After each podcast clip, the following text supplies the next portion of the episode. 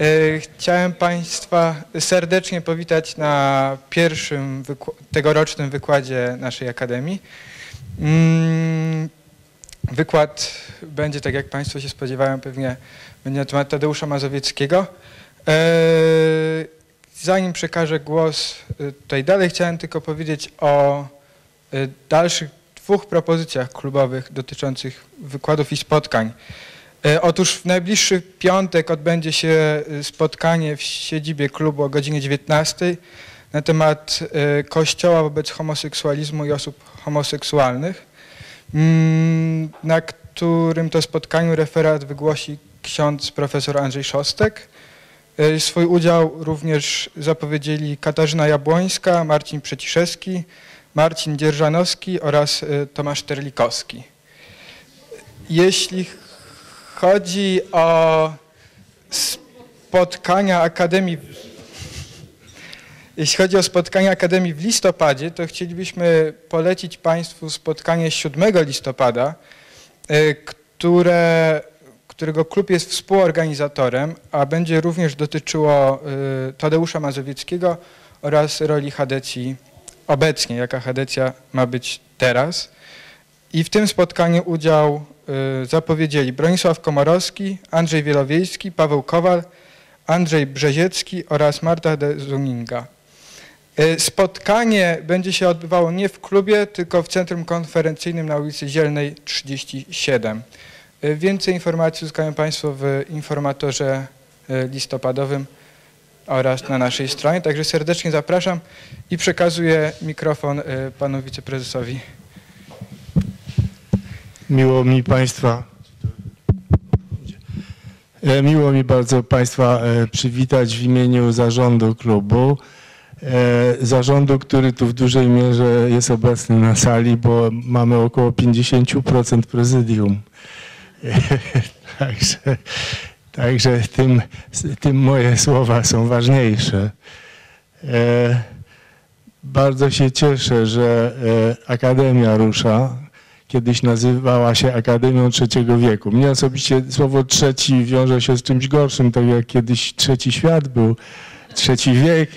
E, W związku z tym e, chyba dobrze, że organizatorzy odeszli od tej kwalifikacji e, trzeciego rzędu. Ja myślę, że Akademia również się w związku z tym otworzy na osoby pierwszego wieku. E, bo wydaje się, że to naprawdę dzisiaj są, e, tu się mówi o rzeczach, które powinny docierać do wszystkich. E, Ten rok jest szczególnym rokiem w klubie, jak Państwo dobrze wiedzą, jest rokiem 60-lecia. W poniedziałek tutaj mieliśmy główną uroczystość, mszę świętą odprawianą przez kardynała Nycza. No i, i, i po prostu świętujemy jeszcze w listopadzie. W czasie mszy ogłosiliśmy e, e, laureata Nagrody Pontifexa. To wszystko Państwu pewnie są sprawy znane, więc już nie będę do nich wracał. Bardzo dobrze się dzieje, że e, zwłaszcza w tym roku jubileuszowym zaczynamy Akademię od poświęcenia uwagi Tadeuszowi Mazowieckiemu. To jest człowiek, który poniósł wielkie zasługi, był jednym z e, założycieli klubu w 56 roku, tyle to już lat 60.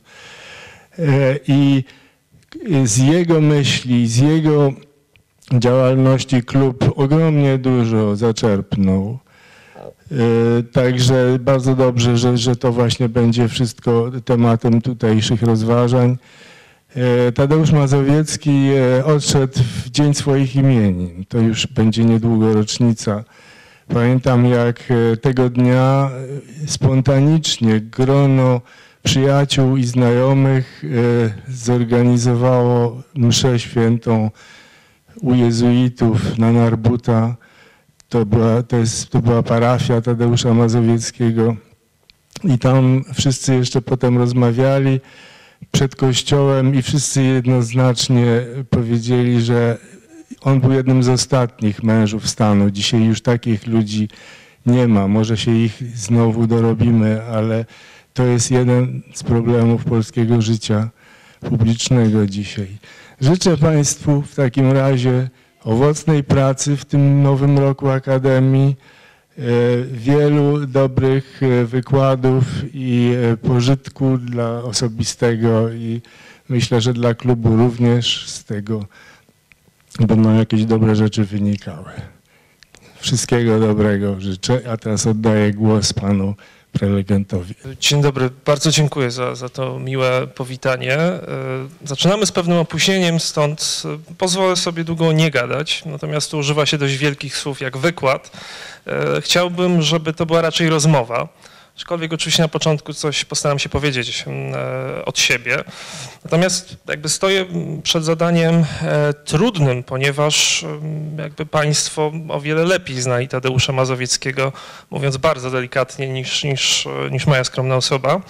Więc postaram się spojrzeć na, na postać Tadeusza Mazowieckiego w trzeciej RP.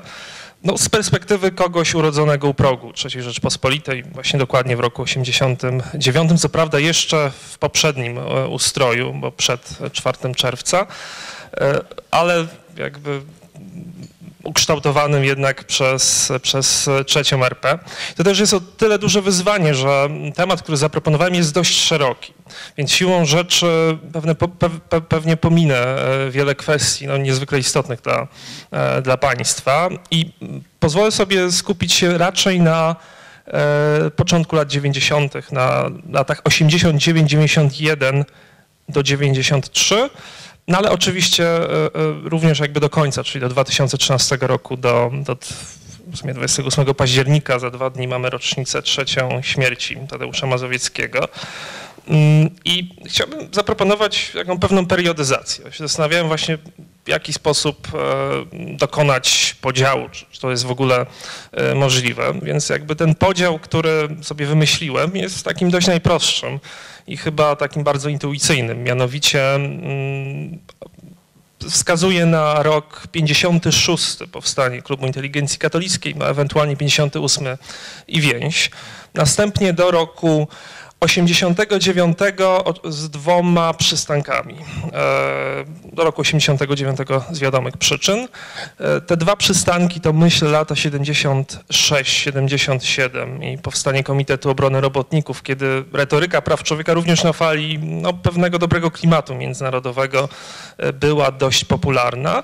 A w 77 roku w listopadzie co prawda nie tutaj, bo na Kopernika, w poprzedniej siedzibie KIK-u, no odbyła się dość głośna konferencja Chrześcijanie a prawa człowieka. Tadeusz Mazowiecki wygłosił tam referat Chrześcijaństwo a prawa człowieka, w którym w jakiś sposób ukazuje swoje podejście do idei praw i wolności jednostki, y, które to E, no oczywiście mają zakotwiczenie w również, można powiedzieć chyba modnym, e, ówczesnym personalizmie chrześcijańskim, zwłaszcza z e, jakby zadzierzgniętym przez francuskich filozofów Maritain i Munier. Kolejną, tym drugim przystankiem, o którym wspominałem, jest rok 80, również z oczywistych przyczyn, sierpień 80, kiedy to mm, tematyka praw człowieka no, nabiera niezwykłego rozpędu.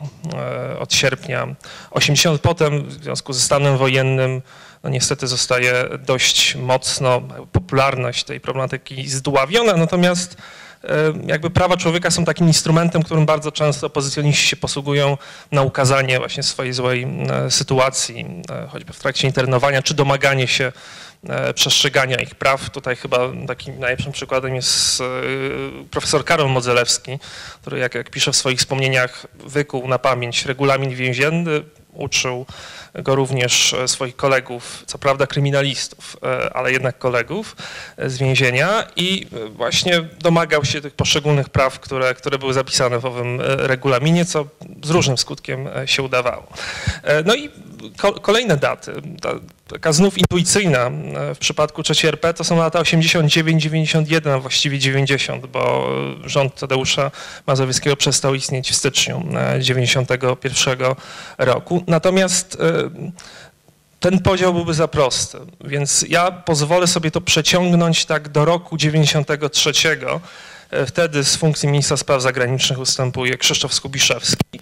Niewątpliwie jakby polityka zagraniczna w zakresie praw człowieka prowadzona przez trzecią RP no była kontynuacją tego, co udało się ustalić e, na początku e, właśnie przez Skubiszewskiego i Tadeusza Mazowieckiego. No i kolejna, kolejna data, chyba istotna, oczywiście nie da się o wszystkim powiedzieć, lata 92-95 misja Tadeusza Mazowieckiego jako specjalnego sprawozdawcy Komisji e, Praw Człowieka ONZ do spraw E, no, przestrzegania praw człowieka na terenie byłej e, Jugosławii, zakończona dość, dość głośną rezygnacją, być może najgłośniejszą, z jaką kiedykolwiek mieliśmy do czynienia, ponieważ chyba nie zdarzało się tej pory, żeby tak wysoki, co prawda on nie był urzędnikiem oficjalnie ONZ, natomiast no, tak wysoki reprezentant ONZ zgłosił dość, dość głośną rezygnację.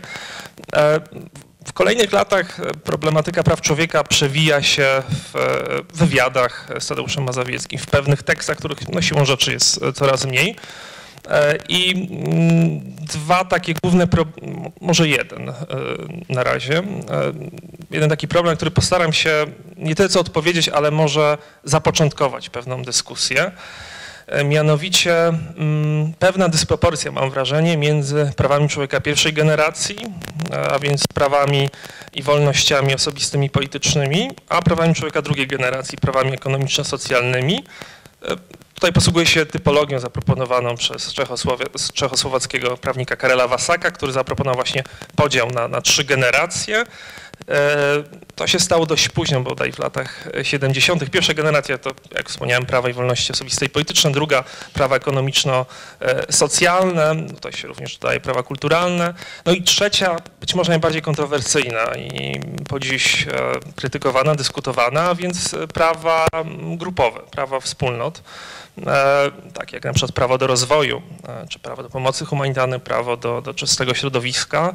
Bardzo, bardzo jakby e, ciekawa dyskusja. Jeśli Państwo byliby za, zainteresowani, odsyłam do, do, naprawdę świetnej, co prawda pisanej z perspektywy prawnika, ale, ale naprawdę bardzo dobrej monografii Cezarego Mika Prawa zbiorowe, zbiorowe prawa człowieka, analiza krytyczna.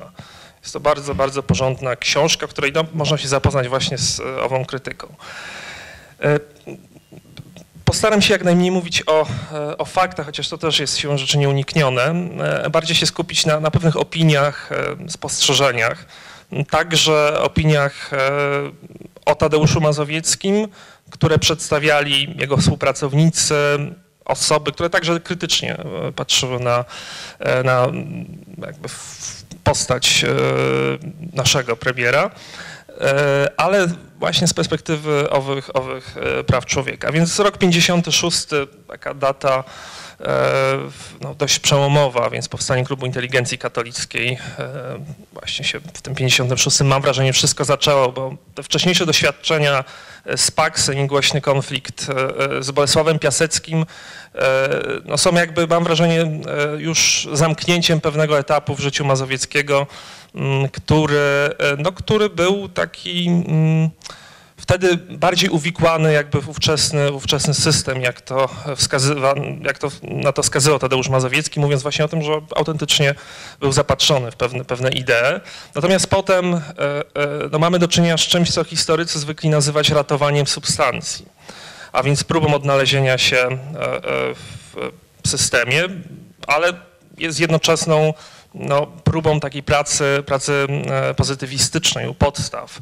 Tutaj mam na myśli głównie posłowanie e, w ramach koła znaków w latach 61-71, e, kiedy znów no i potem jeszcze, mam wrażenie, do tego 75 roku, 76, kiedy już nadzieje, mam wrażenie, w przypadku Tadeusza Mazowieckiego na poprawę tego ustroju tak definitywnie upadły. Natomiast ja na to wszystko patrzę z perspektywy, no właśnie, czytelnika pewnych publikacji, więc no, Państwo znali o wiele, Państwo znali postać, e, osobę Tadeusza Mazowieckiego. W moim przypadku jest to pewna być może spekulacja.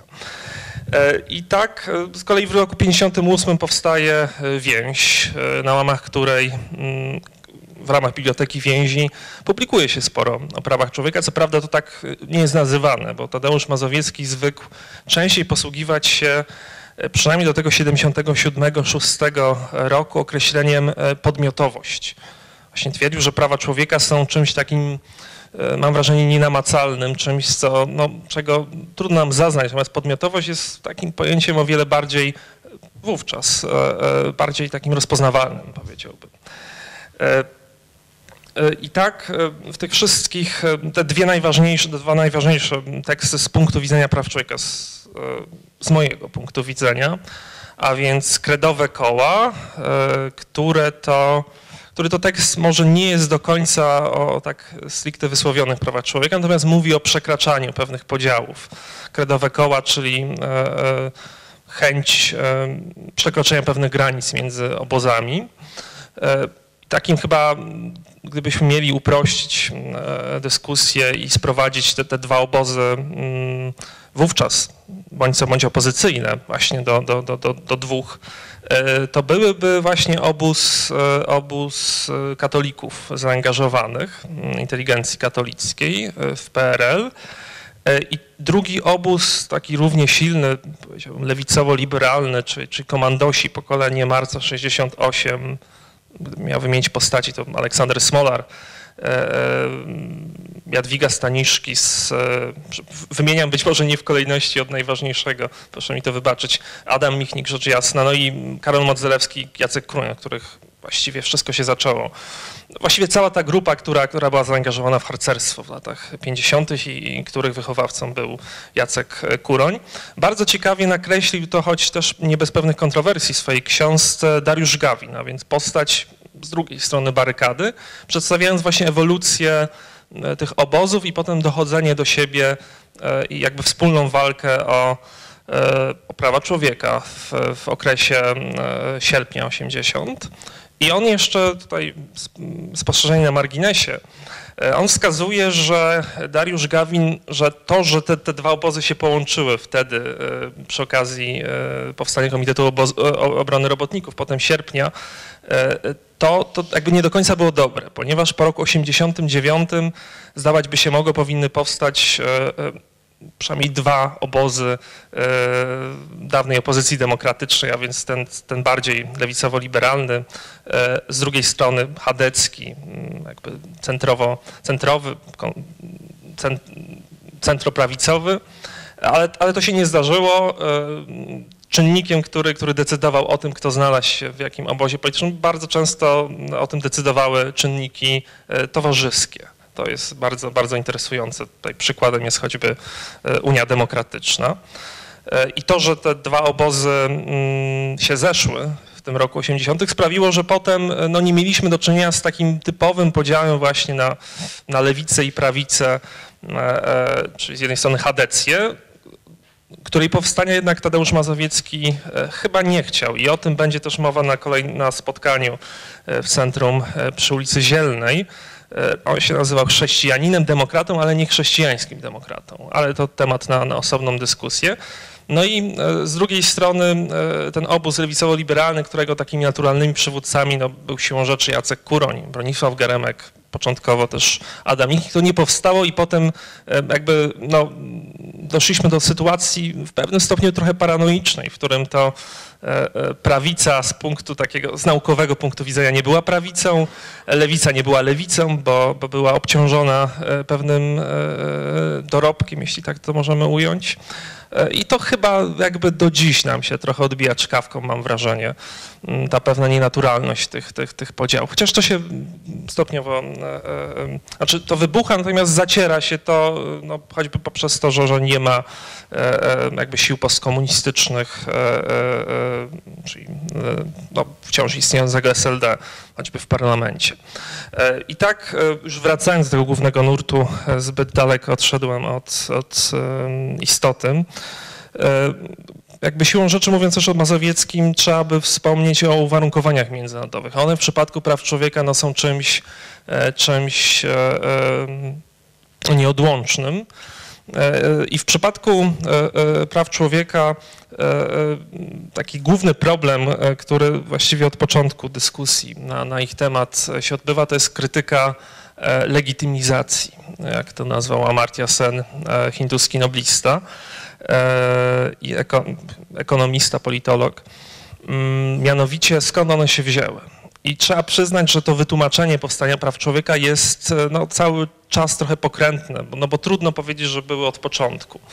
Stąd właśnie to przywiązanie do godności jako pojęcia, od którego wszystko się zaczyna. No i te prawa człowieka są właśnie czymś zastanym. W ten sposób przynajmniej e, wyjaśniano e, popularność idei praw człowieka w latach 70. W latach 70.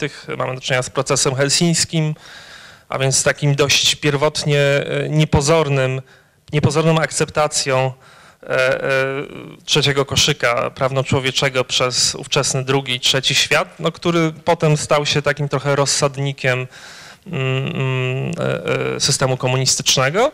E, mamy kampanię, ofensywę na rzecz praw człowieka Jimmy'ego Cartera, niektórzy twierdzą najlepszego byłego prezydenta Stanów Zjednoczonych, zresztą do dziś zaangażowanego w obronę praw człowieka. I prawa człowieka wtedy są, są narzędziem polityki zagranicznej, narzędziem prowadzenia polityki zagranicznej, E, prawa człowieka, które dość często są postrzegane jako szlachetna idea, ale nie mająca związku e, z rzeczywistością, nagle okazują się czymś, czym można szermować e, w dyskusjach z Moskwą, z Pekinem, co w pewnym stopniu również przynosi rezu oczekiwane rezultaty.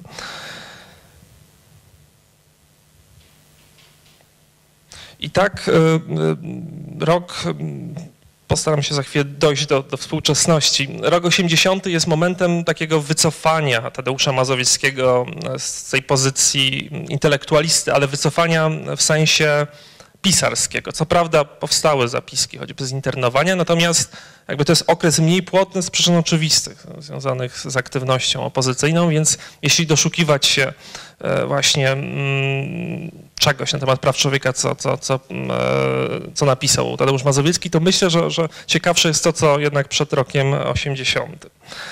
E, chciałbym przedstawić mm, działalność Tadeusza Mazowieckiego na kilku płaszczyznach, tę współczesną od roku 89. Oczywiście to jest podział bardzo, bardzo umowny, a więc e, klimat intelektualny, uwarunkowania e, międzynarodowe, mm, a więc e, rozpad bloku komunistycznego i wielki entuzjazm, jaki powstał na fali właśnie mm, nowego odejścia od, od, komunizmu. Druga sprawa, chyba najważniejsza, taka najbardziej namacalna, więc polityka zagraniczna i prawa człowieka w polityce zagranicznej RP i tutaj również będę korzystał garściami e, z tego, co, co poczynił Krzysztof Skubiszewski jako minister spraw zagranicznych. Trzecia e, rzecz, rządy prawa, z tym się też wiążą prace konstytucyjne. E, no i oczywiście misja Tadeusza Mazowieckiego na Bałkanach mm, w latach 92-95. E, przedstawiając krótko ów, ów, klimat intelektualny, o którym wspominałem, no należy, należy zauważyć, że e, to było tyle nietypowe, że wówczas na przykład powiodła się operacja w trakcie wojny kuwejsko-irackiej w Zatoce Perskiej, za uprzednią zgodą Rady Bezpieczeństwa. To do tej pory nie było e, e, możliwe, ale to pokazuje, no, ileż, ileż e, granic można było wówczas przejść na fali pewnego entuzjazmu. Jak, jak zaglądałem do, do publikacji z tego okresu, to wręcz jakby także w, jakby w tekstach prawników, którzy no raczej są osobami, które, które mam wrażenie nie starają się szermować, przynajmniej prawników internacjonalistów, dość głośnymi, szumnymi hasłami. Jest mowa o renesansie ONZ, o tym, że właśnie otwiera się nowa epoka, czynienia właśnie z trzecią falą demokratyzacji. I te dwa podstawowe teksty, które, do których potem wszyscy się odnoszą, no to rzecz jasna koniec historii Fukuyamy, tekst, który, który no, nie do końca się sprawdził. Jak się okazuje, tak historia trwa i, i, i jakby nie nadszedł kres niestety e, e, liberalnej, znaczy nie nadszedł początek, czy, czy jakby rozwój liberalnej demokracji. No i z drugiej strony Huntington, a więc zdarzenie cywilizacji i tutaj warto zauważyć, że to się rzadko pojawia, natomiast w tym tekście Huntingtona, Samuela Huntingtona, który jest krytykowany z różnych stron, e, tam się pojawił znak zapytania na końcu. A e, jakby patrzenie na prawa człowieka przez pryzmat tego tekstu, e, to złe odczytanie Huntingtona właśnie wiąże się z tym, że zarzuca mu się zbyt, zbyt kategoryczne sądy.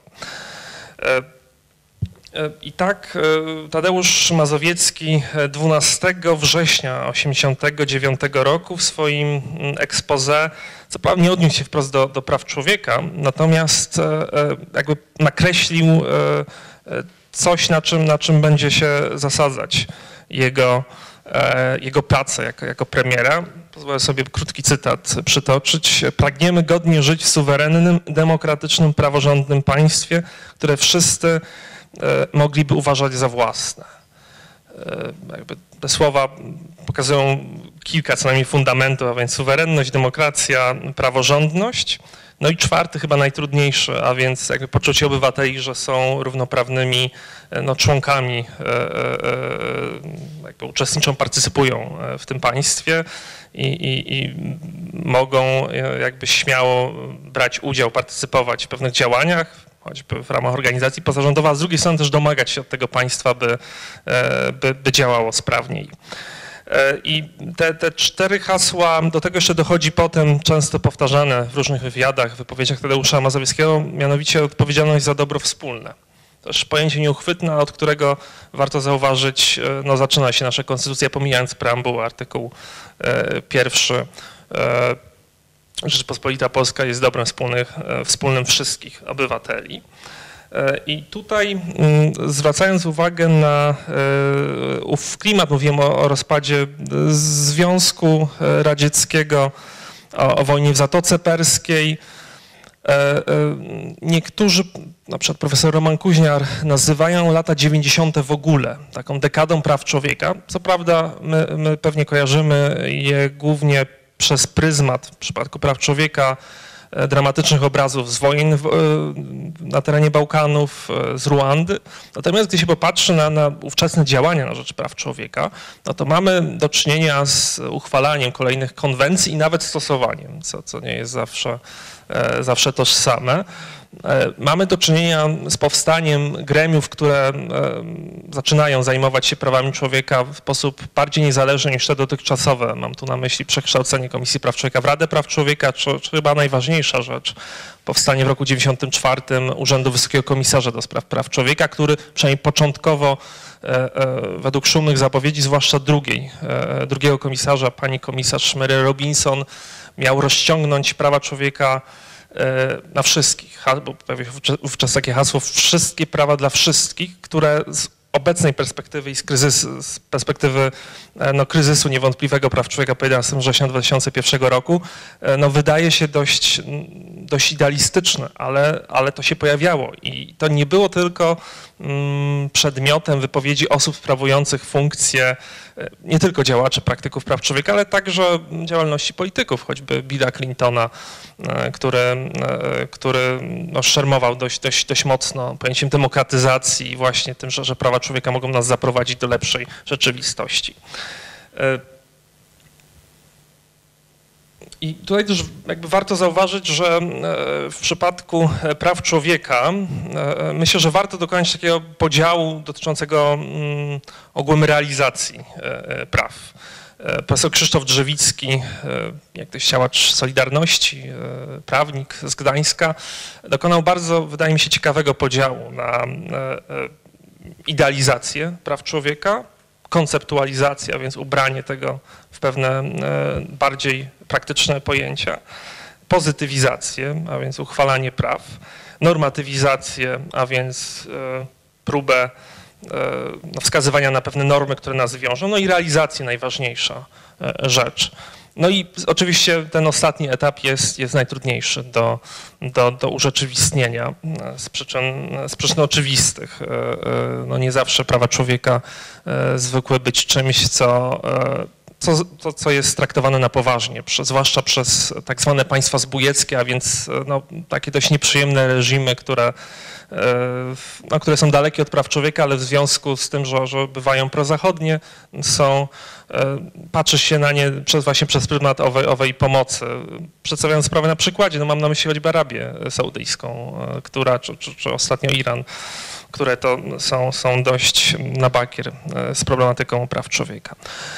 E, polityka zagraniczna. Wspominałem, że to być może najważniejsza e, e, sfera. Mm, owych przejawiania się praw człowieka w działalności i myśli Tadeusza Mazowieckiego i tą postacią, która, która wiąże i, i która wyraża to, co Mazowiecki chciał przekazać, jest oczywiście Krzysztof Skubiszewski, e, e, pierwszy minister spraw zagranicznych, kierował MSZ-em w latach 89-93 i jakby w tym czasie udało się sporo dobrego zrobić mm, na rzecz praw człowieka. I to był, to był pierwszy i w zasadzie jedyny do tych krytycznych uwag dojdę na końcu, natomiast e, dojdę później, później je przedstawię. Natomiast e, no, to jest właśnie charakterystyczne, że prawa człowieka bywają, są jeszcze dość ciekawą, e, ciekawym zagadnieniem z perspektywy polskiej polityki zagranicznej na początku wolnej Polski, a potem niestety z czasem coraz, coraz rzadziej się pojawiają. Dość powiedzieć, że bodaj ostatnim, ostatnim ugrupowaniem politycznym, które miało w programie wpisane prawa człowieka była Unia Demokratyczna. Czy mam na myśli prawa człowieka jakby postrzegane tak zupełnie na poważnie i, i rozwinięte na kartach owego e, programu politycznego. E, w przypadku Skubiszewskiego takim forum, na którym można, e, można wskazać na, mm, na właśnie na, na przedstawianie pewnej wizji praw człowieka jest, są oczywiście szczyty, Zgromadzenie Ogólne Narodów Zjednoczonych z reguły we wrześniu danego roku. I tak już e, niedługo po powstaniu rządu mazowieckiego, pod koniec września, Krzysztof Skubiszewski e, wskazywał w takim dość entuzjastycznym, e, dość entuzjastycznym przemówieniu na, na forum ONZ, entuzjastycznym jak na, na Krzysztofa Skubiszewskiego, że właśnie Polska no jest, jest, jest państwem, z którego można czerpać przykład, który może być e, orędownikiem e, problematyki praw człowieka, który może być e, takim doradcą. I to jest o tyle, o tyle ciekawe, że, mm, że potem to znika niestety. Znaczy, mam wrażenie, że przynajmniej obecnie jest tak, że jeśli już jakiś polityk na forum międzynarodowym zająknie się temat praw człowieka z polskiej perspektywy, to tylko wspomnę oczywiście o, o, Solidarności i o tym, że, że spotkała nas e, poza tą Solidarnością wielka niesprawiedliwość dziejowa, więc raczej skupiamy się na czymś innym, aniżeli na tym, żeby działać w sposób bardziej zaangażowany, jak na przykład e, dyplomacja Kanady czy, czy Australii, które mają sporo zasług na, na rzecz e, praw człowieka.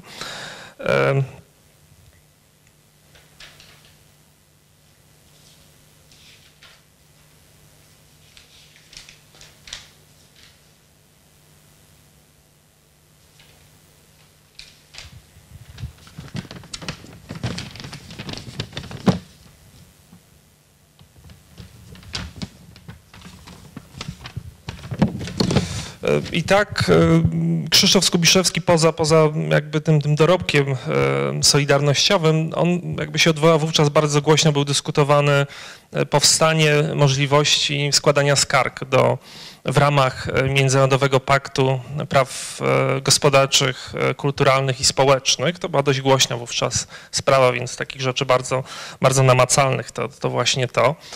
Kolejna, kolejny, kolejny taki obszar no to kwestie, prawnicy nazywają to w taki sposób jurysdykcji uniwersalnej a więc powstania Trybunału Karnego, trochę też na kanwie doświadczeń bałkańskich, który no, karałby sprawców masowych naruszeń e, praw człowieka. Wreszcie wówczas powraca w przemówieniach e, Skubiszewskiego e, idea Międzynarodowego Trybunału Praw Człowieka. Czegoś, czego obecnie nie mamy. Natomiast po II wojnie światowej była to koncepcja zupełnie na poważnie dyskutowana. Żałuję, że tu nie ma profesora Romana Wieruszewskiego nie mógł się niestety pojawić, ale, ale polecam, polecam pewien tekst w Państwie i Prawie w 2012 roku bodaj się e, pojawi właśnie jakby dotyczący owej idei Międzynarodowego Trybunału Praw Człowieka, która z perspektywy wielu komentatorów, no obecnie zdawać by się mogło jest taka dość, mm, no dość dziwna, nierealna i tak dalej, no ale możemy dyskutować, wydaje mi się, o, o czymś, co znaczy, co było ciekawym konstruktem intelektualnym, ale co, co moim zdaniem jest do wdrożenia, ale, ale niekoniecznie, e, niekoniecznie w najbliższych, w najbliższych latach. E, I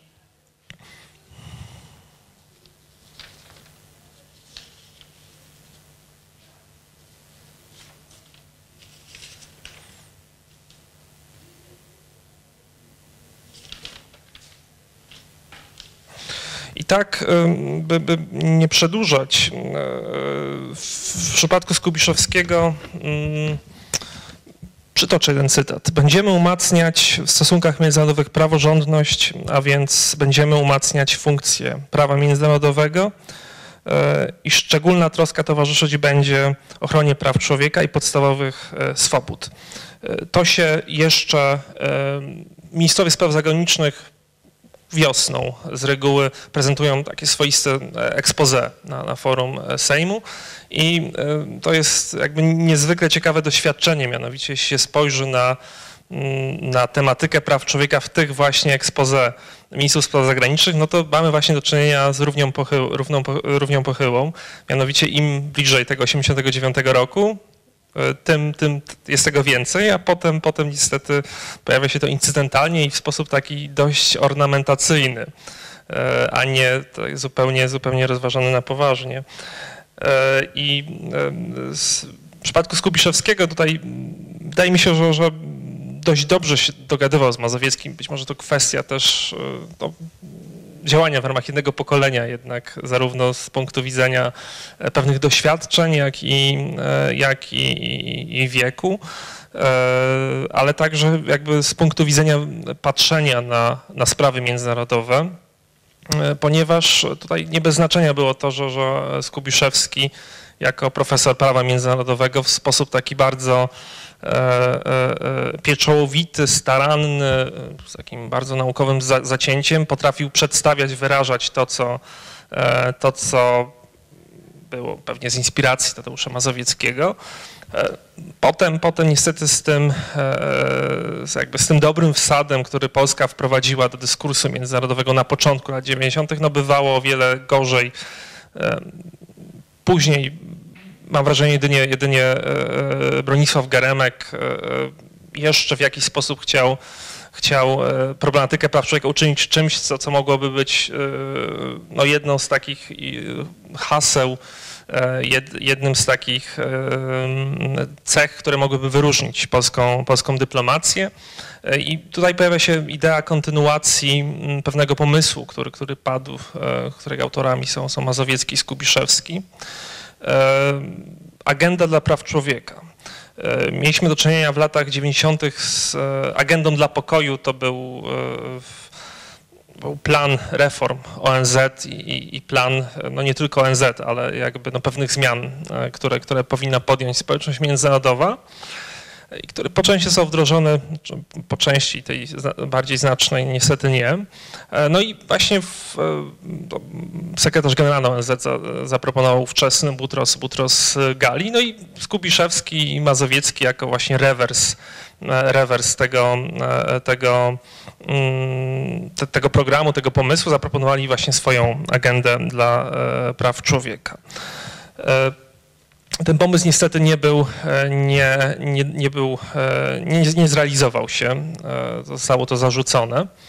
I czymś, jakby na forum, czymś wokół czego toczyła się dyskusja na początku lat 90., już wtedy rzecz jasna Mazowiecki nie był premierem, bo to rok 93, 91, 92, mianowicie Światowa Konferencja Praw Człowieka w Wiedniu e, na której to właśnie Krzysztof Skubiszewski przedstawił główny rys e, Mm, prawno-człowieczy polskiej dyplomacji. Ta konferencja odbyła się równo niemal 25 lat po konferencji w Teheranie dotyczącej praw człowieka, no i miała wyzwolić taką nową energię, mm, nową energię w, społeczności międzynarodowej, które, która miałaby dążyć do, e, do uczynienia z problematyki praw człowieka kwestii pierwszorzędnej, E, co niestety, niestety się, się nie powiodło. Natomiast wówczas jakby przykładem tego, jak, e, jak e, Polska, działania polskiej dyplomacji były doceniane, no było choćby to, że, że to właśnie przedstawiciel Polski, profesor Zdzisław Kędzia, był głównym sprawozdawcą konferencji, również jakby w kuluarach E, toczyło się mnóstwo, jakby Polska była inicjatorem wielu, wielu ciekawych e, pomysłów, z których część nawet udało się wdrożyć w życie.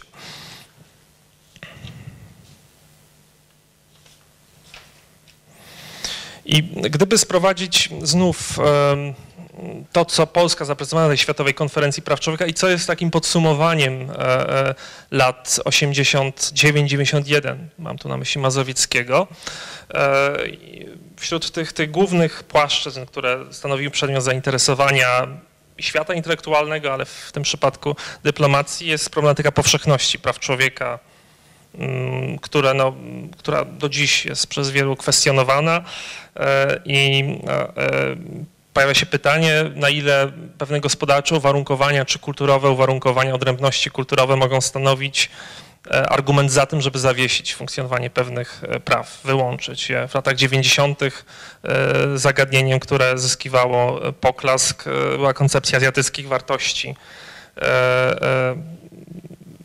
którą, którą wyrażały państwa Azji Południowo-Wschodniej, która w sposób taki bardzo konsekwentny pokazujący jakby wspólny głos krajów azjatyckich, że to właśnie dzięki takiemu swoistemu zawieszeniu e, praw człowieka udało się e, uzyskać, e, no, udało się wprowadzić pewne reformy gospodarcze z sukcesami. Wskazywano również na to, że, że społeczeństwa azjatyckie bardziej dążą ku wspólnotowości niż ku indywidualizmowi, jak społeczeństwa zachodnie to potem upadło, natomiast jakby do dziś e, stanowi niewątpliwie e, punkt e, odniesienia. Wreszcie kolejna, kolejny taki obszar to właśnie owa potrzeba programu działania, o którym już wspominałem, a więc coś, co nazwa, nazwał Skupiszewski agendą dla praw człowieka, ale także wykorzystanie dotychczasowego potencjału różnych organów międzynarodowych, które, które, który, który no nie, był, nie był urzeczywistniany. Mm, dość wskazać, że jeden, zdaje się, z prawników francuskich e, zapytany o to, e, jaką, jaką należałoby wprowadzić reformę e, w przypadku ONZ, odpowiedział, że wystarczyłoby przestrzegać właściwie tego, co już uchwaliliśmy. To jest bardzo, bardzo symptomatyczna odpowiedź jakby i do tego również nawiązuje Skubiszewski w, swoim wystąpieniu. E, kolejna sprawa to prawotwórstwo i egzekucja praw. To się trochę wiąże z tym, o czym wcześniej mówiłem. E, I te ta problema, problemy w ramach, w ramach tej, tej e, tematyki, które się przewijały w, w przypadku polskiej dyplomacji, no to prawa mniejszości narodowych, etnicznych, językowych, migracje, kwestie cudzoziemców, prawa, związa- prawa człowieka w kontekście różnych przemian cywilizacyjnych, medycznych, technologicznych, biotechnologicznych, wreszcie prawa osób słabszych, a więc taka najbardziej szeroka kategoria. Kolejny, kolejny, kolejny z tych obszarów to, to reforma strukturalna ONZ, to już się przewijało. Długo by można o tym mówić. Wspomnę tylko, że Polska była wielkim sojusznikiem idei powstania Urzędu Wysokiego Komisarza do Spraw Praw Człowieka, co e, na początku lat 90. no nie było przesądzone, nie było takie oczywiste. Dopiero jakby z obecnej perspektywy popełniając właśnie e, pewien błąd prezentyzmu. Niektórzy właśnie twierdzą, że, że, że, że to nic wielkiego, no ale jednak nie. To, to, to było dość, dość, dość, dość istotne. E, wreszcie pomysł jakby nadania większych praw, większych praw różnym agendom ONZ, choćby Centrum Praw Człowieka w Genewie, które mm, no, funkcjonują, ale te instrumenty E, jakby główne organy ONZ, przede wszystkim Rada Bezpieczeństwa, czy sekretarz generalny, no za bardzo nie chcą się dzielić e, środkami, instrumentami, narzędziami ochrony praw człowieka z innymi organami, e, tak ażeby z kwestii praw człowieka jakby dokonać pewnego przejścia na jakby dojść do, do tych proporcji, które no, powinny być pierwotne, a więc poziomu politycznego, tu sekretarz generalny, Rada Bezpieczeństwa na poziom bardziej etyczny, a więc wszelkie agendy ONZ. Weźcie docenienie roli organizacji pozarządowych, no, które obecnie są, są, są aktorem stosunków międzynarodowych, podmiotem prawa międzynarodowego, e, których rola jest, jest niebagatelna. A z e, takich zagadnień mniej teoretycznych, które, które się pojawiły w tym, e, w tym wystąpieniu, no to przede wszystkim mechanizmy wykonywania ochrony praw człowieka. A więc to też na kanwie misji Mazowieckiego wystąpieniu w roku 93 Skubiszewski wspominał wprost właśnie o misji Tadeusza Mazowieckiego podawał ten przykład jako, jako no, coś, co, co, co, co nie jest, co, co pokazuje, że mm, prawa człowieka mm, bez e, odpowiedniej infrastruktury, bez, e, e, bez operacjonalizacji no, są tylko pewną patetyczną ideą. Mm, wreszcie mm, e, kolejna sprawa, więc e, ochrona ofiar w trakcie konfliktów zbrojnych, również na kanwie konfliktu jugosłowiańskiego. Mm, o tym będzie jeszcze za chwilę. Za chwilę kwestia e, wówczas postawienia właśnie zbrodniarzy serbskich, głównie przed Międzynarodowym Trybunałem Karnym.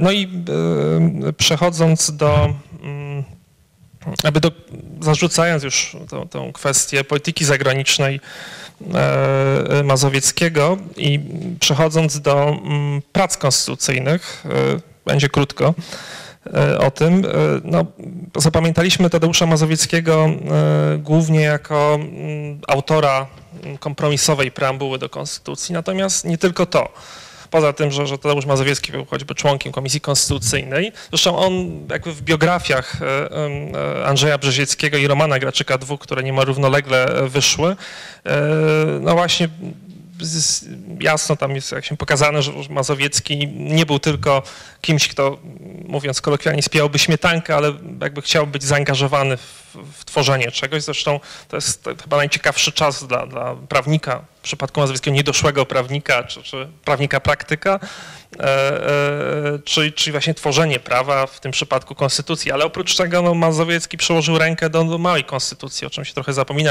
rok 92, e, no, która w jakiś sposób co prawda nie do końca w związku z, no, z osobowością prezydenta Wałęsy nie do końca się sprawdzała e, w polskich warunkach, no ale jednak była czymś, co, co pozwoliło, pozwoliło funkcjonować do tego roku 97.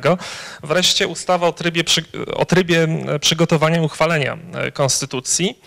I ostatni taki akt, który co prawda nie wszedł w życie, ale no niewątpliwie stał się podstawą rozdziału prawa i wolności E, e, w polskiej konstytucji, a więc Karta Praw Człowieka.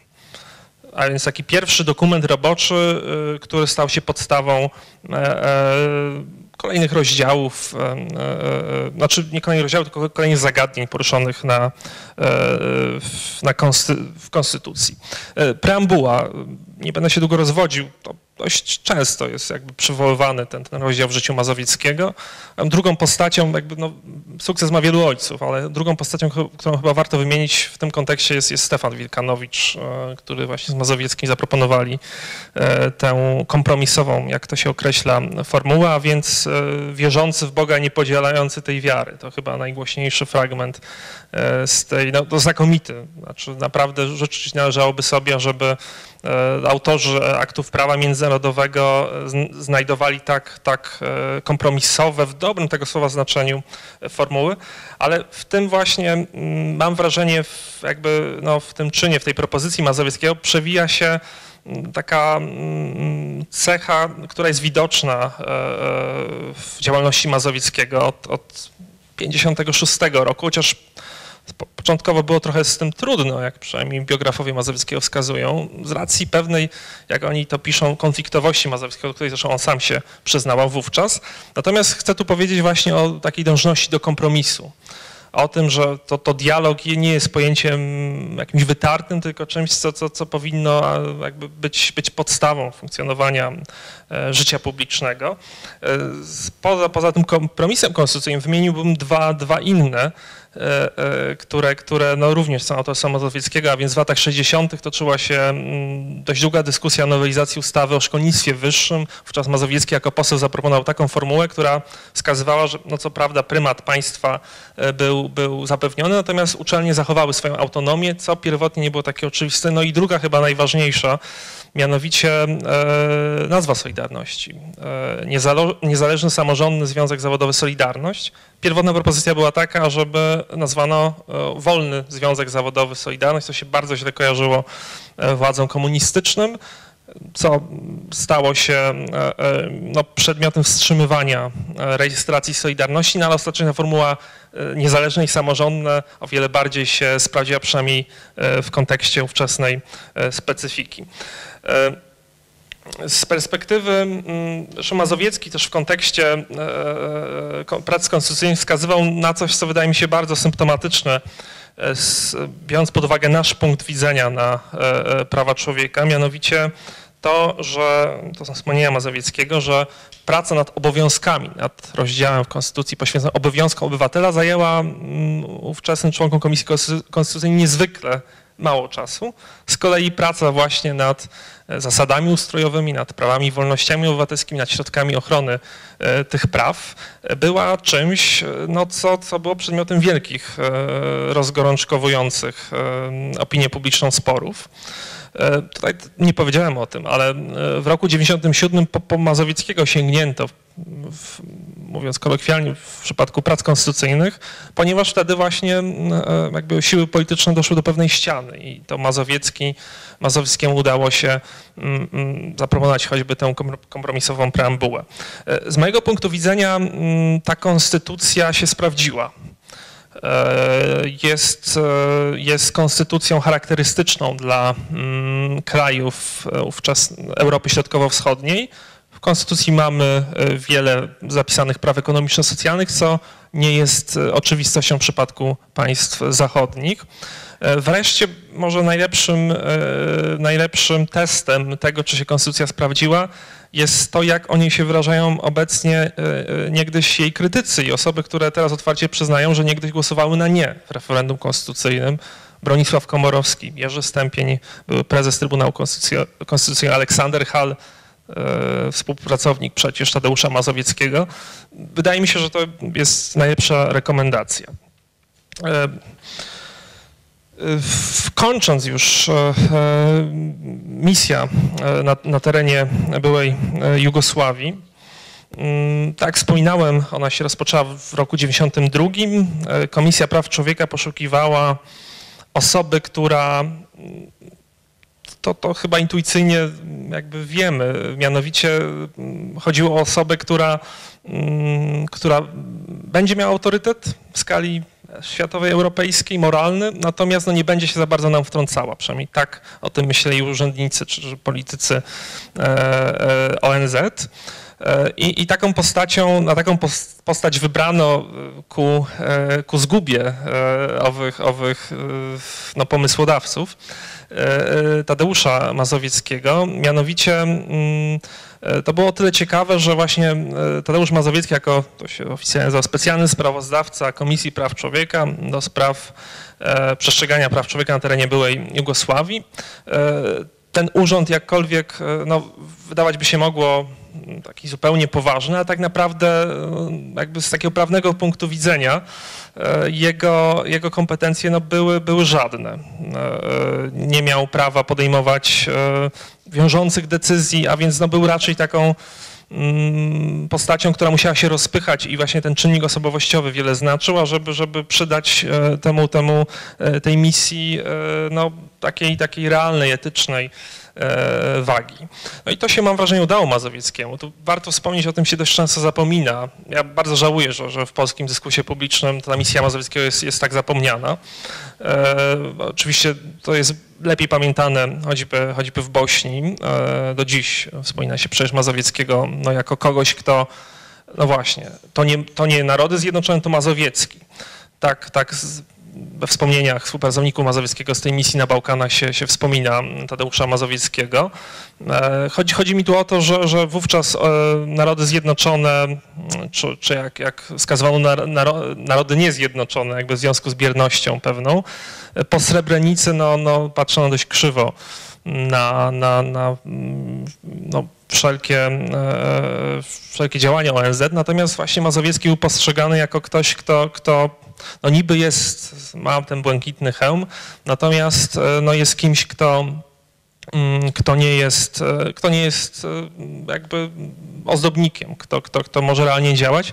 No i Mazowiecki trochę wbrew swojej naturze chyba, no umiejętnie się, się, się rozpychał ku właśnie zdziwieniu, zaskoczeniu tych, którzy uważali, że będzie żółwiem, nawiązując do, do, e, do, do, do pewnego porównania, e, będzie żółwiem również w przypadku owej misji na Bałkanach. To była misja pro bono. Nie uzyskiwał e, za nią dofinansowania, jakby tylko pokrywano koszty transportów. E, no i jakby z tego, z tego okresu powstały raporty Tadeusza Mazowieckiego z byłej Jugosławii. One zostały wydane, polecam lekturę, e, ponieważ no, można jakby zobaczyć, jak pieczołowicie one zostały przygotowane w tak krótkim czasie. Mianowicie w ciągu kilku tygodni po rozpoczęciu misji już powstał pierwszy raport. E, pieczołowicie, ponieważ e, jak sam Mazowiecki wspominał, e, no choćby potwierdzenie pewnych faktów musiało mieć miejsce w trzech niezależnych źródłach od siebie. To nie były i, i poza jedną wpadką dotyczącą Mazowieckim pisał w raporcie, że zburzono kościół, a tam tylko strzelano. Poza tą zupełnie nieznaczącą wpadką, no, w, ty, w tych raportach yy, no, możemy zobaczyć, widzimy kalendarium tych kolejnych, kolejnych e, działań. E, no i dymisja Mazowieckiego. Ja się trochę prześlizguję, bardzo przepraszam po, po tej tematyce, ale no, może, może kiedyś warto poświęcić temu odrębne spotkanie, no bo to temat jakby zasługujący na długą dyskusję. Przytoczę tylko mm,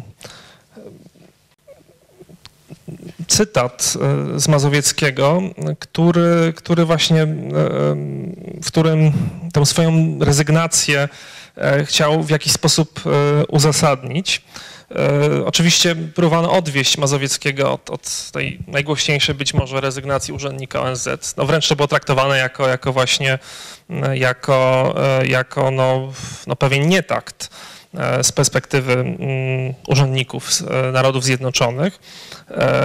No, mieliśmy do czynienia z typowym konfliktem dwóch wartości, a mianowicie czy zostać i, i, i znów ratować substancje pomóc jak to tylko możliwe, do czego e, namawiano e, no, choćby działacze praw człowieka na Bałkanach e, namawiali Mazowieckiego. No i z drugiej strony, no, czy, czy mamy milczeć, czy, czy jakby być może tylko właśnie rezygnacja sprawi, że, że świat się dowie, usłyszy o tej, o tej rezygnacji. E, I e, to, e, i chyba ta, jakby ta druga ścieżka się sprawdziła, wydaje mi się. To znaczy ta, jakby ta, ta, ta rezygnacja trafiła na czołówki mediów, stała się czymś jakby dzięki czemu Mazowiecki no, zyskał niezwykły szacunek, pokazał się jako właśnie osoba pryncypialna w, swoich, w swoim działaniu. E, I to też jest o tyle ciekawe, że e, w tych ostatnich już raportach na chwilę przed rezygnacją, tą, tym czynnikiem bezpośrednim e, tej dymisji no była oczywiście masakra w Srebrenicy.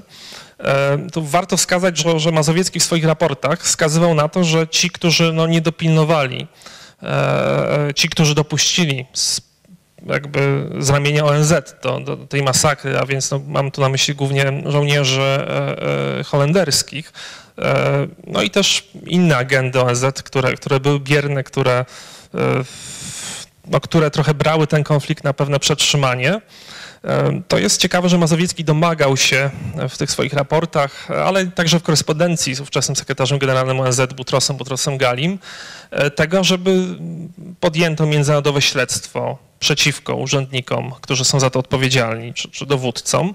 To było tyle nietypowe, że dotychczas bodaj nie zdarzyło się, ażeby e, jednak, śmiem twierdzić, reprezentant ONZ no, domagał się sam siebie, żeby, znaczy nie było tak, że ta krytyka pojawiała się jakby w samej, w samej organizacji. No jednak Mazowiecki był, co prawda z prawnego punktu widzenia ten jego mandat no nie był do końca mm, dobrze przygotowany, ale no, niewątpliwie był reprezentantem Narodów Zjednoczonych, tak był postrzegany przynajmniej e, e, e, pierwotnie, bo potem jakby wskazywano, że, że on no, jest jakby jednostką niezależną, podmiotem niezależnym. I co ciekawe, tutaj Mazowiecki właśnie wbrew takiemu, takiej łatce, którą się próbuje narzucić, często różnym negocjatorom, e, dyplomatom, którzy mają na celu mm, mają na celu mm, no, załagodzenie pewnych konfliktów. Mazowiecki wręcz, wręcz przeciwnie, to znaczy on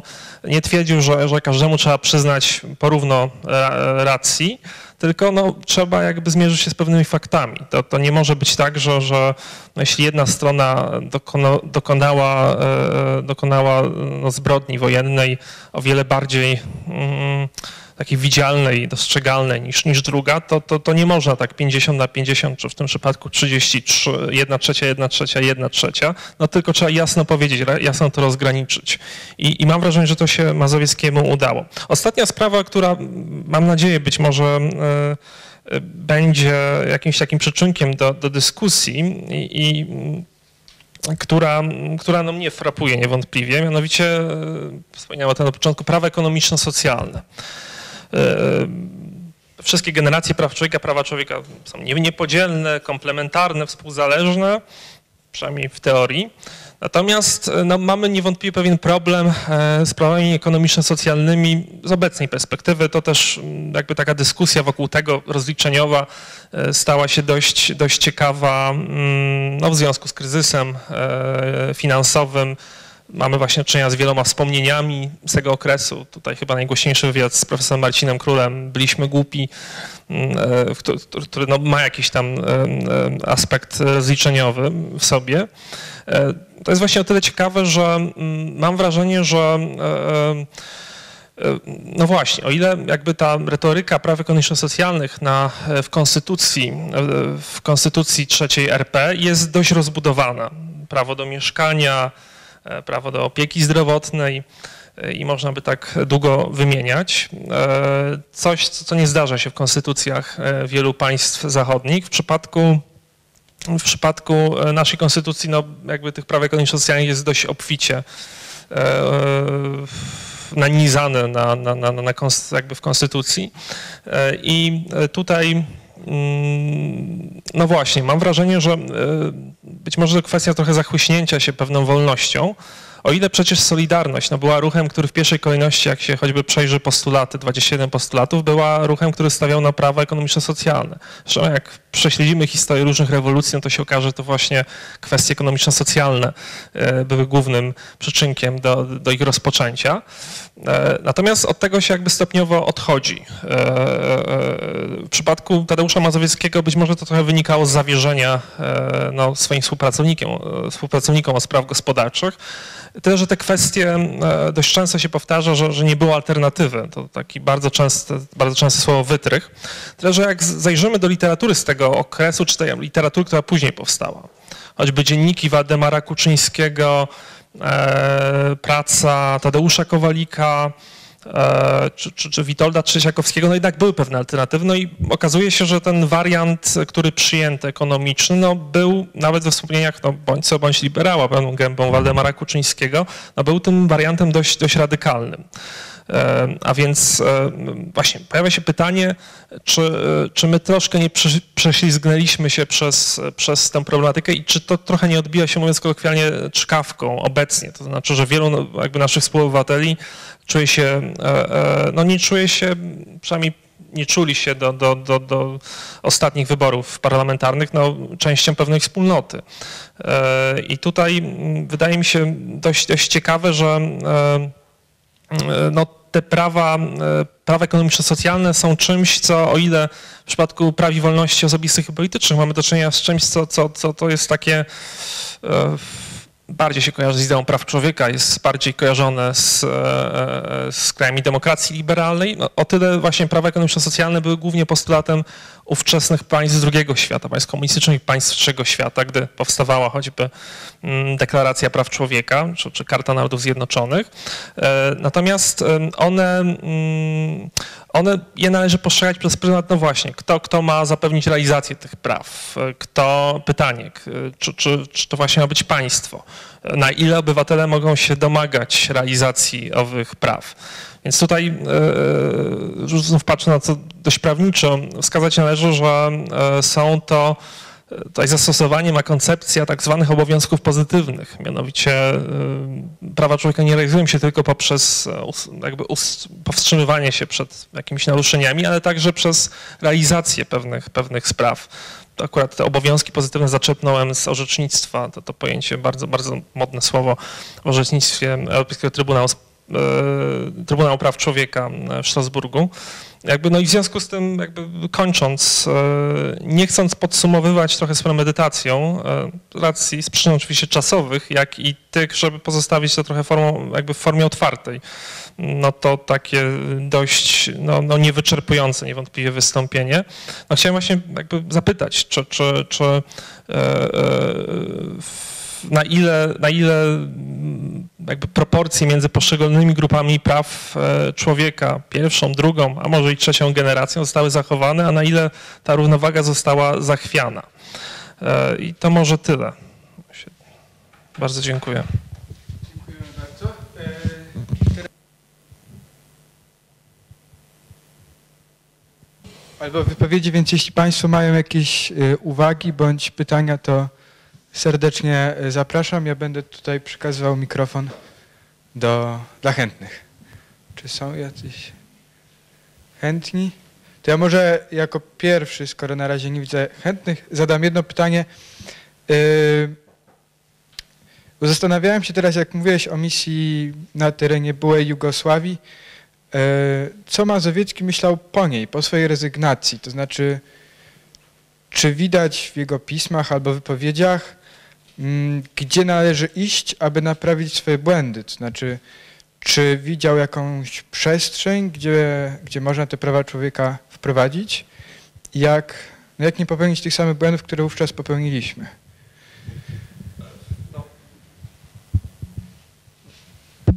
E, znaczy tuż po, po dymisji no, te, te główne enuncjacje e, e, e Mazowieckiego, no to no, przez nie przewija się jednak e, pewna taka nuta rozgoryczenia, rezygnacji i, i no, pewnej konfrontacji niewątpliwie szlachetnych idei z, z przykrą rzeczywistością,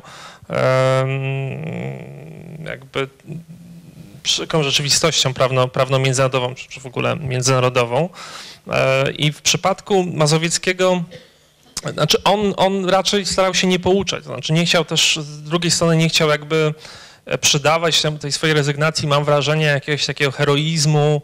E, właśnie chciał do tego przejść trochę na porządku dziennym do samego aktu rezygnacji, ale jednocześnie jakby nagłaśniając dość mocno to, do czego tam doszło. I jakby są cztery grupy zagadnień, które on, on najczęściej jakby poruszał i czegoś, co, co powinno stać się przynajmniej przyczynkiem do jakiejś dyskusji, jeśli nie e, realizacji. Mianowicie, no, wspominałem o tym już.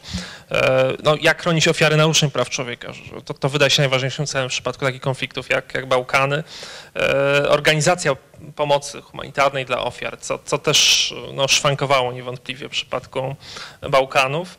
E, wreszcie, tak doraźnie, no, powinniśmy się skupić właśnie na rozwiązaniu istniejącego kryzysu, a niekoniecznie, no właśnie, jak ONZ, próbować dojść do, mm, no, do jakichś dyplomatycznych, takich różnych e, e, kombinacji, które, które zabiegów, które do wielu, jakby do wielu tak naprawdę takich konkretnych postanowień nie doprowadziły. Mam tu na myśli tak zwany plan Owena i Vensa, E, e, dyplomatów e, z Wielkiej Brytanii i ze Stanów Zjednoczonych, no, który to właśnie ten plan, oni trochę działali w opozycji do Mazowieckiego, zresztą chyba nie za bardzo darzyli się sympatią z Mazowieckim.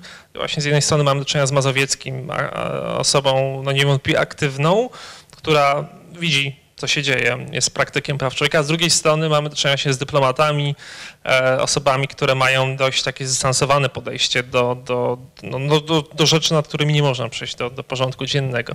Więc no przede wszystkim to, to rozgoryczenie, to znaczy to, to, jest, to jest bardzo widoczne. E, nie jakieś oburzenie, bo znaczy może ta dymisja też była, ta rezygnacja była o tyle też nietypowa, że no Mazowiecki uchodził za kogoś no niezwykle wyważonego, umiarkowanego, który jeśli już E, e, dokonuje jakiegoś, no jakiś, wypowiada jakieś mocne słowa, no to wtedy, kiedy, kiedy naprawdę jest ku temu potrzeba. E, I, i ta rezygnacja właśnie no była, była takim momentem chyba, tak. Czy jeszcze jakieś pytania albo uwagi od Państwa z sali? Czy... A, dobrze. Dużo więcej. Ja powinienem dużo więcej wiedzieć na temat Mazowieckiego od tej strony, ale interesowałem się zawsze mm, problematyką kościelną, a nie polityczną, więc i wiem niewiele. Znaczy wiem niewiele, bo też zresztą i pamiętam już niewiele. Zapamiętałem tylko jego stosunek do Hadecji. Powiedział kiedyś przy mnie, że no jemu nie bardzo odpowiada polska Hadecja, która jest za blisko Endecji. Hadecja, na przykład niemiecka, tego typu, to tak. No I tyle. Dziękuję bardzo. Dziękuję bardzo. Jeśli mógłbym się tak na szybko odnieść, zresztą a propos tej Hadecji, y, Mazowiecki tuż po wojnie był przez chwilę członkiem Stronnictwa Pracy, y, partii Karola Popiela, y, co jest takim mniej znanym epizodem partii, która no, chciała uchodzić za chadecką, jakby w ówczesnych czasach. No, siłą rzeczy no, to Stronnictwo Pracy nie było tak, tak silne jak, jak, jak, przed wojną. Natomiast to jest dość ciekawy epizod, kiedy to Mazowiecki, mam wrażenie, przyznał się do, do tej chadeckości. Ale e, to, że, że on powtarzał, że właśnie, że jest chrześcijaninem, a nie E, chrześcijaninem e, i, i demokratą, a nie chrześcijańskim demokratą, wynikało trochę z tego i dał temu też wyraz w roku 89 w wyborach czerwcowych, nie startując nikt. Mianowicie jakby on wychodził z założenia, że Wałęsa e, no, za bardzo, prawda, ten obóz jest za bardzo jednolity, znaczy za mało różnorodny. Właśnie wychodził z założenia, że najpierw trzeba dojrzeć do, do pewnych, pewnych podziałów politycznych, ale początkowo należy iść jakby, e, jakby dość szerokim frontem, tak, i mieć partie polityczne, w których działach miały jakby te różnice między poszczególnymi skrzydłami, mam na myśli oczywiście Unię Wolności, e, wcześniej Unię Demokratyczną, były dość, dość szerokie. I to jest też ciekawe. E, I mm, no właśnie, to, to, to wydaje mi się, zresztą myślę, że ta debata być może da jakąś odpowiedź, ta, która się odbędzie, zdaje się 8 listopada mm, z udziałem między innymi prezydenta Komorowskiego. Może jakoś mm, uda się, uda się udzielić na to pytanie odpowiedzi, dlaczego, dlaczego no nie był tym chrześcijańskim demokratą, jak sam, jak, jak sam twierdzi. Chociaż oczywiście w tym była pewna figura retoryczna, bo jakby z punktu widzenia, no nie wiem, no politologów, e, e, socjologów, no to no, niewątpliwie jakby ta myśl Mazowieckiego jest chadecka. Jest chadecka. Tak, no to będzie może takie trochę pytanie nad wyrost, ale zacząłem się nad tym zastanawiać i bardziej wybiegać myślami w przyszłość. Wspominałeś o tej książce Huntingtona, Zderzenie cywilizacji, wspominałeś o tutaj roli Mazowieckiego na Bałkanach i zacząłem się zastanawiać, E, właśnie z perspektywy e, no, zderzenia tutaj naszych kultur, e, mamy teraz też takim zderzeniem do czynienia na pierwszych stronach gazet. Niektórzy mówią o inwazji uchodźców, niektórzy mówią o no, bardzo dużym ich napływie. Niewątpliwie mamy do czynienia z kryzysem. Wiele pytań możemy sobie zadawać, także o, o prawa człowieka, w szczególności tych osób, które przybywają do nas, tak, które, które toną na, na Morzu Śródziemnym, które przybywają do Europy, tam przebywają też, okazuje się, wcale nie, w nie lepszych warunkach niż w krajach, w których byli, bo te obozy, tak jak ta likwidowana na przykład dżungla pod Kale, no też stawia przed nami pewne pytania. I teraz zacząłem się tak zastanawiać, to by było pewnie dobre pytanie do, do samego pana premiera, ale czy możemy jakoś z jego działalności odczytać, co on by zrobił e, w tym przypadku? Czy mógłby być w ogóle e, taką osobą, która byłaby specjalnym wysłannikiem ONZ właśnie na rzecz kryzysu uchodźczego teraz w Europie? I czy możemy jakoś z jego myśli albo z jego przemyśleń właśnie na, przy tym zderzeniu cywilizacji, jednak tak to trzeba nazwać na Bałkanach, e, gdzie zderzały się trzy cywilizacje, przy tym naszym obecnym takim zderzeniu, czy możemy wyciągnąć jakieś wnioski, albo czy możemy to jakoś, przepraszam bardzo, to pytanie może jest trochę na wyrost, bo ja zupełnie tego nie znam. Chciałbym się dowiedzieć, czy on, czy jakoś z jego postawy, z jego myśli możemy, możemy coś, e, coś zbudować na tą chwilę obecną. Czy musimy się tylko cofać w przeszłość, ale czy możemy właśnie nawet z jakichś jego gestów, może chociażby z tej rezygnacji, coś wywnioskować, co on by zrobił teraz, co my powinniśmy zrobić teraz. Miał odpowiedzieć tak e, dość zdawkowo, powiedziałbym, że no pewnie Mazowiecki udałby się jakby do tych miejsc newralgicznych e, typu, typu południe Włoch czy, czy Wyspy Greckie, no i no, zaczął działać. E, Natomiast e, tutaj zapytałeś o dość jakby ciekawy obszar. Znów z braku, z braku czasu i nie chcąc przedłużać, nie poruszyłem tego, ale właśnie prawa cudzoziemców, migrantów, e, e, jakby cała ta problematyka, ona jest, jest bardzo widoczna w działaniach e, polskiej dyplomacji. No, gdyby ułożyć taki ranking zagadnień, którymi, którymi się, się przynajmniej polska dyplomacja e, zajmowała w zakresie praw człowieka, to to byłoby tak gdzieś trzecie miejsce. Miałbym już jakoś, co to jakby to, to bardzo wysoko, biorąc pod uwagę jakby całe spektrum problemów, jakie się w tym łączą. Przed ja chciałbym bardzo zobaczyć, być może powstają, mo- może o tym nie wiemy, ale no właśnie taką publikację e, z, tych, z tego kryzysu uchodźczego, jak na przykład e, raporty Mazowieckiego z byłej Jugosławii. W sensie, że bo jakby wokół, wokół tej problematyki mamy do czynienia z, no, z wieloma niedomówieniami, przekłamaniami. Natomiast e, jakby czytając te raporty, wówczas też do takich dochodziło, tak, mamy podane pewne fakty, możemy się z nimi zmierzyć, sko- skonfrontować, ocenić. Tutaj czegoś takiego e, nie ma. Powiedziałeś zdarzenie cywilizacji. Ja nie do końca jestem pewien. O jednak konflikt na Bałkanach, co prawda, absolutnie e, no, społeczność międzynarodowa była nim zaskoczona, chociaż to, to jakby się kumulowało od śmierci Tity, w roku 80, e, no to jednak ten konflikt dział się na terenie Europy, e, e, jakby kontynentu, który, który po II wojnie światowej nie był targany takimi konfliktami zbrojnymi, więc to, to było wielkie zaskoczenie. Nie wiem, czy do końca zdarzenie cywilizacji. Znaczy ja bym był ostrożny w porównywaniu no, uchodźców, migrantów, ale jakby wyznających e, różnych wyznań, przecież nie tylko, nie tylko e, tego, którymi szermują e, prawa strona sceny politycznej, a więc, a więc e, no, islamu. Powiedziałbym, że mm, no, tamto jakby kotłowało się niewątpliwie, natomiast nie, e, nie, to nie był taki typowy moim zdaniem konflikt, o którym, o którym, o którym pisał Huntington, ale trzeba przyznać, że, że obecnie jakby te tezy Huntingtona no, bardzo rozpopularyzowane, bardzo, bardzo jakby no, ciekawe, także te dotyczące trzeciej fali demokratyzacji, one obecnie wydaje mi się moglibyśmy jakby czytać y, no, choćby zdarzenie cywilizacji Huntingtona i mieć takie poczucie, że, że no, przewidział coś 25 lat wstecz, czy 30 wręcz.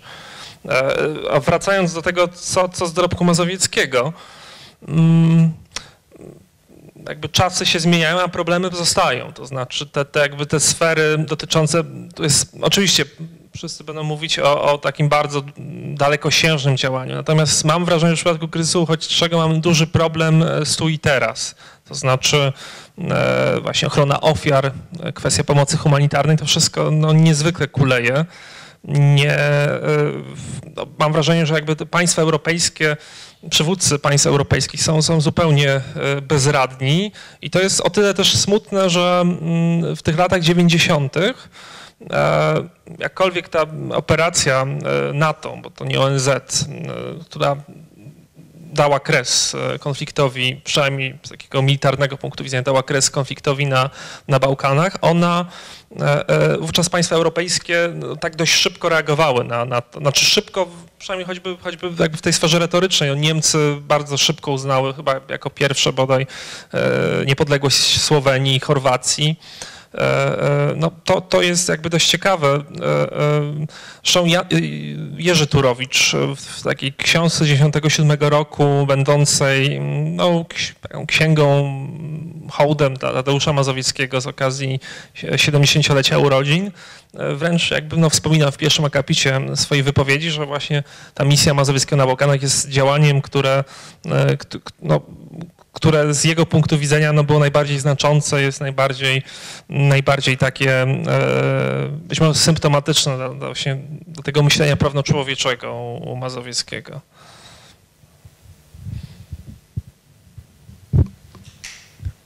Czy jeszcze może ktoś z Państwa chce zabrać głos? Czy już?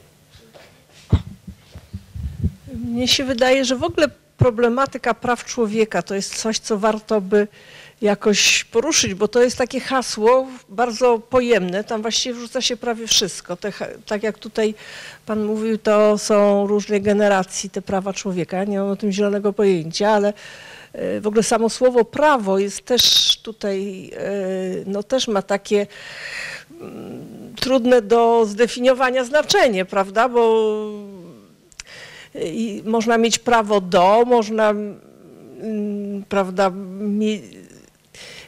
do czegoś albo do, raczej, żeby być ochronionym od czegoś, no więc i w ogóle ten jurydyczny, tak, takie mówienie poprzez słowo prawo, to od razu jak gdyby to nam zamyka y, możliwość rozumienia tego, skąd to wynika, na ile to jest motywowane na przykład sprawami wiary, bo y, ja mam wrażenie, że w ogóle pojęcie praw człowieka w jakimś sensie wiąże się dla mnie z chrześcijaństwem i z tym właśnie, że w dostrzeżeniu w tym drugim człowieku y, no, tej ogromnej wartości, a z kolei w innych religiach bywa różnie, więc też nie wiem na ile to można, y, tutaj Pan mówił troszkę o tym, o tym y, problemie, że, że tych państwach Azji, azjatyckich niektórych, no to tam zupełnie inaczej się to prawda, bardziej tak wspólnotowo. Y, więc mi się wydaje, że w ogóle to jest taka tematyka, która zamknięta jest w jakimś haśle, ale wymagałaby bardzo takiej dla każdego z nas, znaczy nie wiem, może, ale dla mnie to byłoby bardzo ważne, żeby zrozumieć o co chodzi, jak te prawa są budowane, czym one są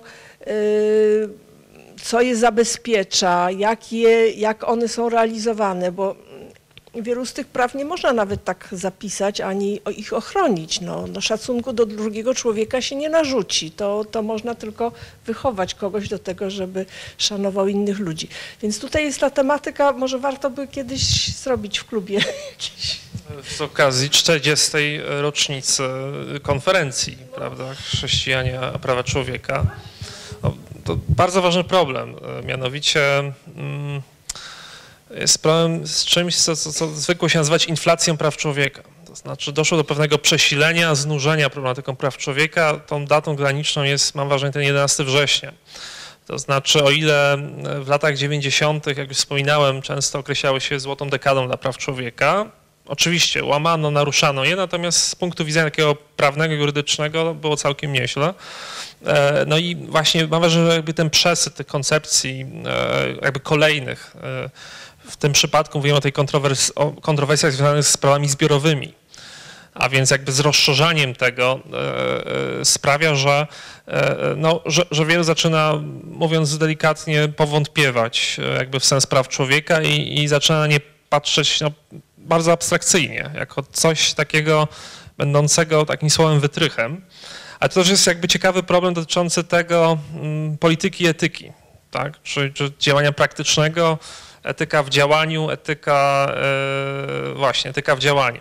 Znaczy ja, ja, wyszedłem z założenia i być może to w pewnym stopniu błędne założenie i mniej ciekawsze intelektualne, ale jakby wyszedłem z założenia, że no, etyka się przenika z polityką. Znaczy w sensie nie powinno się, jeśli ktoś chce być politykiem, no to no, no, powinien być etyczny, bo inaczej ta polityka jest dość pustym doświadczeniem. Jest taką, mm, no, jest takim działaniem bardzo, bardzo, bardzo propagand, nastawionym na, na kwestie propagandowe, a nie te dotyczące jakby istoty polityki. Więc jakby być może popełniłem pewien błąd, bo, bo, jakby u Mazowieckiego to było jakby widać, to było widoczna etyka, że po prostu tak się nie robi, znaczy, że pewnych, pewnych e, e, porozumień się dotrzymuje, e, że, że no nie możemy się wycofać z pewnych porozumień, że, że jakby należy znaczy, co, co też często było przedmiotem różnych zarzutów wobec Mazowieckiego, że no właśnie w owym żółwim tempie działa, nie podejmuje decyzji, ale to też niewątpliwie miało swoje zalety. A to jeszcze jedna e, kwestia, mianowicie wolność od do, tak, cztery wol, wolności, e, koncepcja wolności Izajacha Berlina, Izajasza Berlina, e, jakby ta, ta podstawowa, która, od której właściwie wszystko się zaczyna, e, znaczy oczywiście można pewnie zajrzeć choćby do czasów oświecenia, no ale tutaj mam, ten esej powstał zdaje się w latach 50. czy 60. Esej o czterech wolnościach zdaje się. Znaczy wolność od, czyli mm, tak, czyli taka e, wolność, która w sensie inni nie powinni nam tego czegoś naruszać, tak? Nie, nie powinni wkraczać jakby w sferę prywatności, którą posiadamy, nie powinni deptać naszej godności. To właśnie skąd się biorą te prawa człowieka? No, zwykło się mawiać, że, że właśnie to godność jest takim jest pojęciem, które no, jest, jest aktem założyć, jest, jest wręcz jakimś takim aktem założycielskim dla całej koncepcji praw człowieka, E, na nim się opiera to wszystko, co, co później. Jakby bez tego się nie da, nie da jakby dalej, e, dalej iść z prawami człowieka. E, to jakby to jest ciekawe, ja trochę się tym zajmuję, to znaczy relatywizmem kulturowym, uniwersalizmem praw człowieka, właśnie na ile prawa człowieka są uniwersalne, co oznacza ów uniwersalizm praw człowieka bo ta główna, chyba ta podstawowa krytyka praw człowieka jest taka, że, że tu prawa człowieka wkraczają w nasze odrębności kulturowe, etniczne, w nasze zwyczaje i to tak by ta krytyka jest bardzo obecna w przypadku, e, chyba najbardziej symptomatyczne są państwa Azji Południowo-Wschodniej.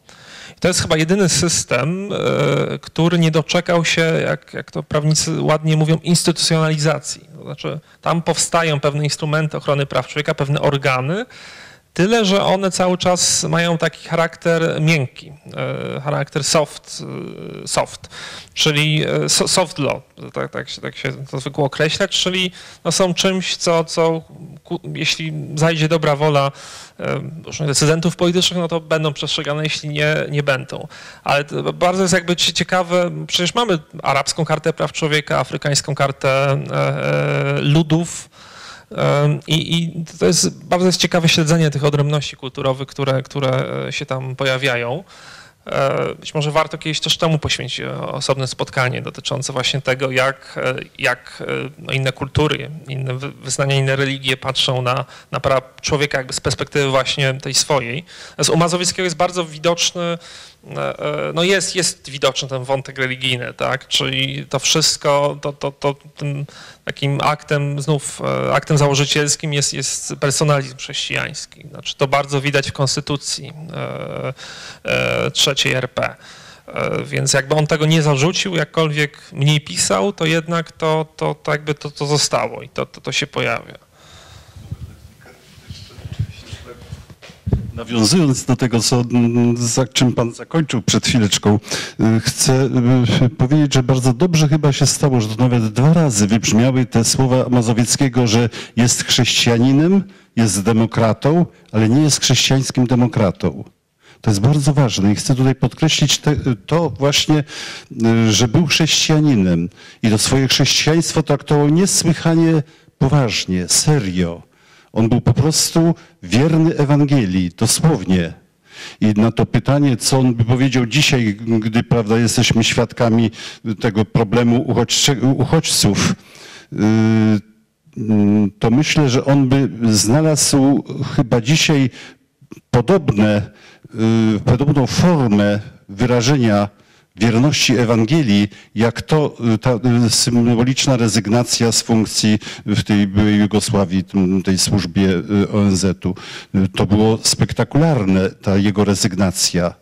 Wtedy, wtedy pokazał swoją właśnie, tym pokazał swoją wierność chrześci bycia chrześcijaninem wierność Ewangelii. I myślę, że teraz by też usilnie poszukiwał formy zademonstrowania naszego chrześcijan w stosunku do tego problemu nieprzyjmowania uchodźców. oczywista, może trzeba powiedzieć tak, że no, no, główną grupą pokrzywdzoną e, w trakcie wojny na Bałkanach no, byli muzułmanie. To też jest bardzo ciekawe, prawda, że tu chrześcijanin e, z taką otwartością e, idzie do, do muzułmanów, a jednocześnie, e, a jednocześnie no oni również jakby wciąż, zresztą to w mediach e, serbskich, serbskich trochę mniej, ale bośniackich, no wiadomość o śmierci Mazowieckiego była na czołówkach, w czołówkach mediów. Natomiast co do tego chrześcijańskiego demokraty, chrześcijanin demokraty, jak znaczy, oczywiście to też jest bardzo teoretyczne, ale ma, mam wrażenie, że są dwa uzasadnienia dotyczące tego, dlaczego on nie zwykł mawiać, że jest chrześcijańskim demokratą.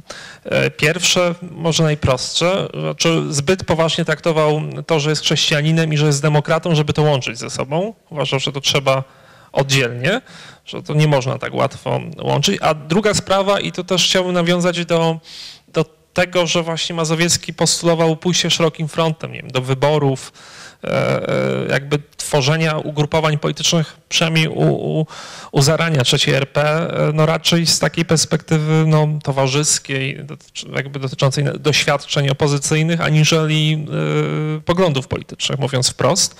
I tutaj wydaje mi się, że to gdyby on nazywał siebie chrześcijańskim demokratą, on by uważał, że to by mogło w jakimś stopniu wykluczać jego interlokutorów, to byłoby zbyt takie, zbyt ostre, to znaczy zbyt kategoryczne.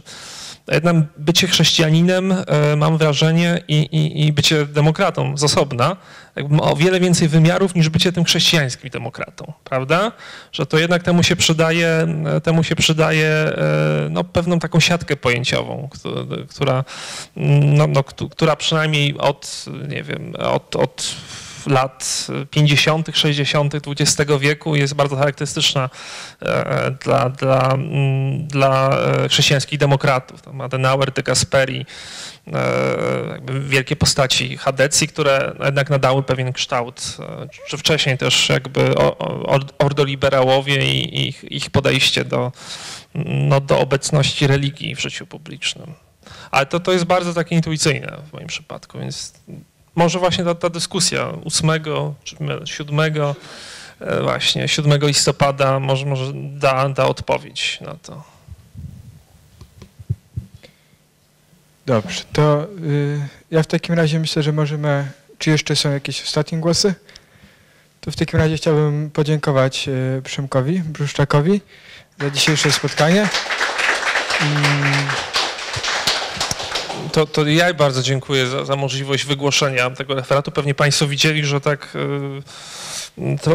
y, źle się odnajdywałem w swoich notatkach, które były zbyt drobnym druczkiem. Niestety nie uwzględniłem tego, więc y, troszkę, mam wrażenie, niepotrzebnie przedłużyłem pewne sprawy, ale to wynikało od tego, że po prostu odtwarzałem sobie w głowie pewne rzeczy, nie mogąc e, dojść do ładu w tych swoich notatkach. Bardzo dziękuję oby, oby jakby to, co się pojawiło dzisiaj, e, no, miało jakieś takie swoje zakończenie w postaci choćby wielkiej konferencji na temat praw człowieka. Ale nawet takie panelowe jakieś debaty właśnie po to, żeby, żeby można rozwiać swoje wątpliwości albo sformułować swoje myśli na temat praw człowieka. 40. rocznica tej, tej słynnej debaty kikowskiej jest dobrą okazją, żeby coś takiego zrobić. Myślę, myślę, że tak, tak. I, i bo o tym nie powiedziałem, ale jak się popatrzy choćby na zbiór e, artykułów złożonych do publikacji pokonferencyjnej, to, to tam mamy różne perspektywy praw człowieka. Profesor Jedlicki przedstawia perspektywę taką liberalizmu zachodnioeuropejskiego, e, Tadeusz Mazowiecki tą swoją bardzo personalistyczną, Jan Strzelecki nam też napisał artykuł e, i mógłbym tak długo wymieniać, e, ale tak się to, to bardzo ciekawe, że, że jakkolwiek to się odbywało w murach Kiku, no to, to, to nie było takie jednostronne. I to, to, to jest bardzo ciekawe, że trochę ten tytuł chrześcijanie, chrześcijania prawa człowieka, tytuł konferencji jest, jest trochę mylący, bo, bo jakby mam wrażenie, znaczy Oczywiście można pokazać, prawda, e, wielką otwartość, wielki e, otwartość e, chrześcijan. Natomiast no on tak, przynajmniej na pierwszy rzut oka, troszkę jakby zawężał, że komuś z zewnątrz wydaje się, prawda, że to tylko... Tak, tak, tak. Zresztą no, to podejście do religii no, było taką przyczyną pewnych napięć między Mazowieckim a kardynałem Wyszyńskim. Tak, to, to jest, to jest bardzo, takich nawet dość dużych napięć. E, e, jakby w latach 60. na początek. Tak, to, to, to, to, bardzo, zresztą to jest bardzo ciekawe. E, zresztą to w biografiach o Tadeuszu Mazowieckim można, można jakby akurat rozdziały temu poświęcone są, wydaje mi się, bardzo, bardzo ciekawie skonstruowane.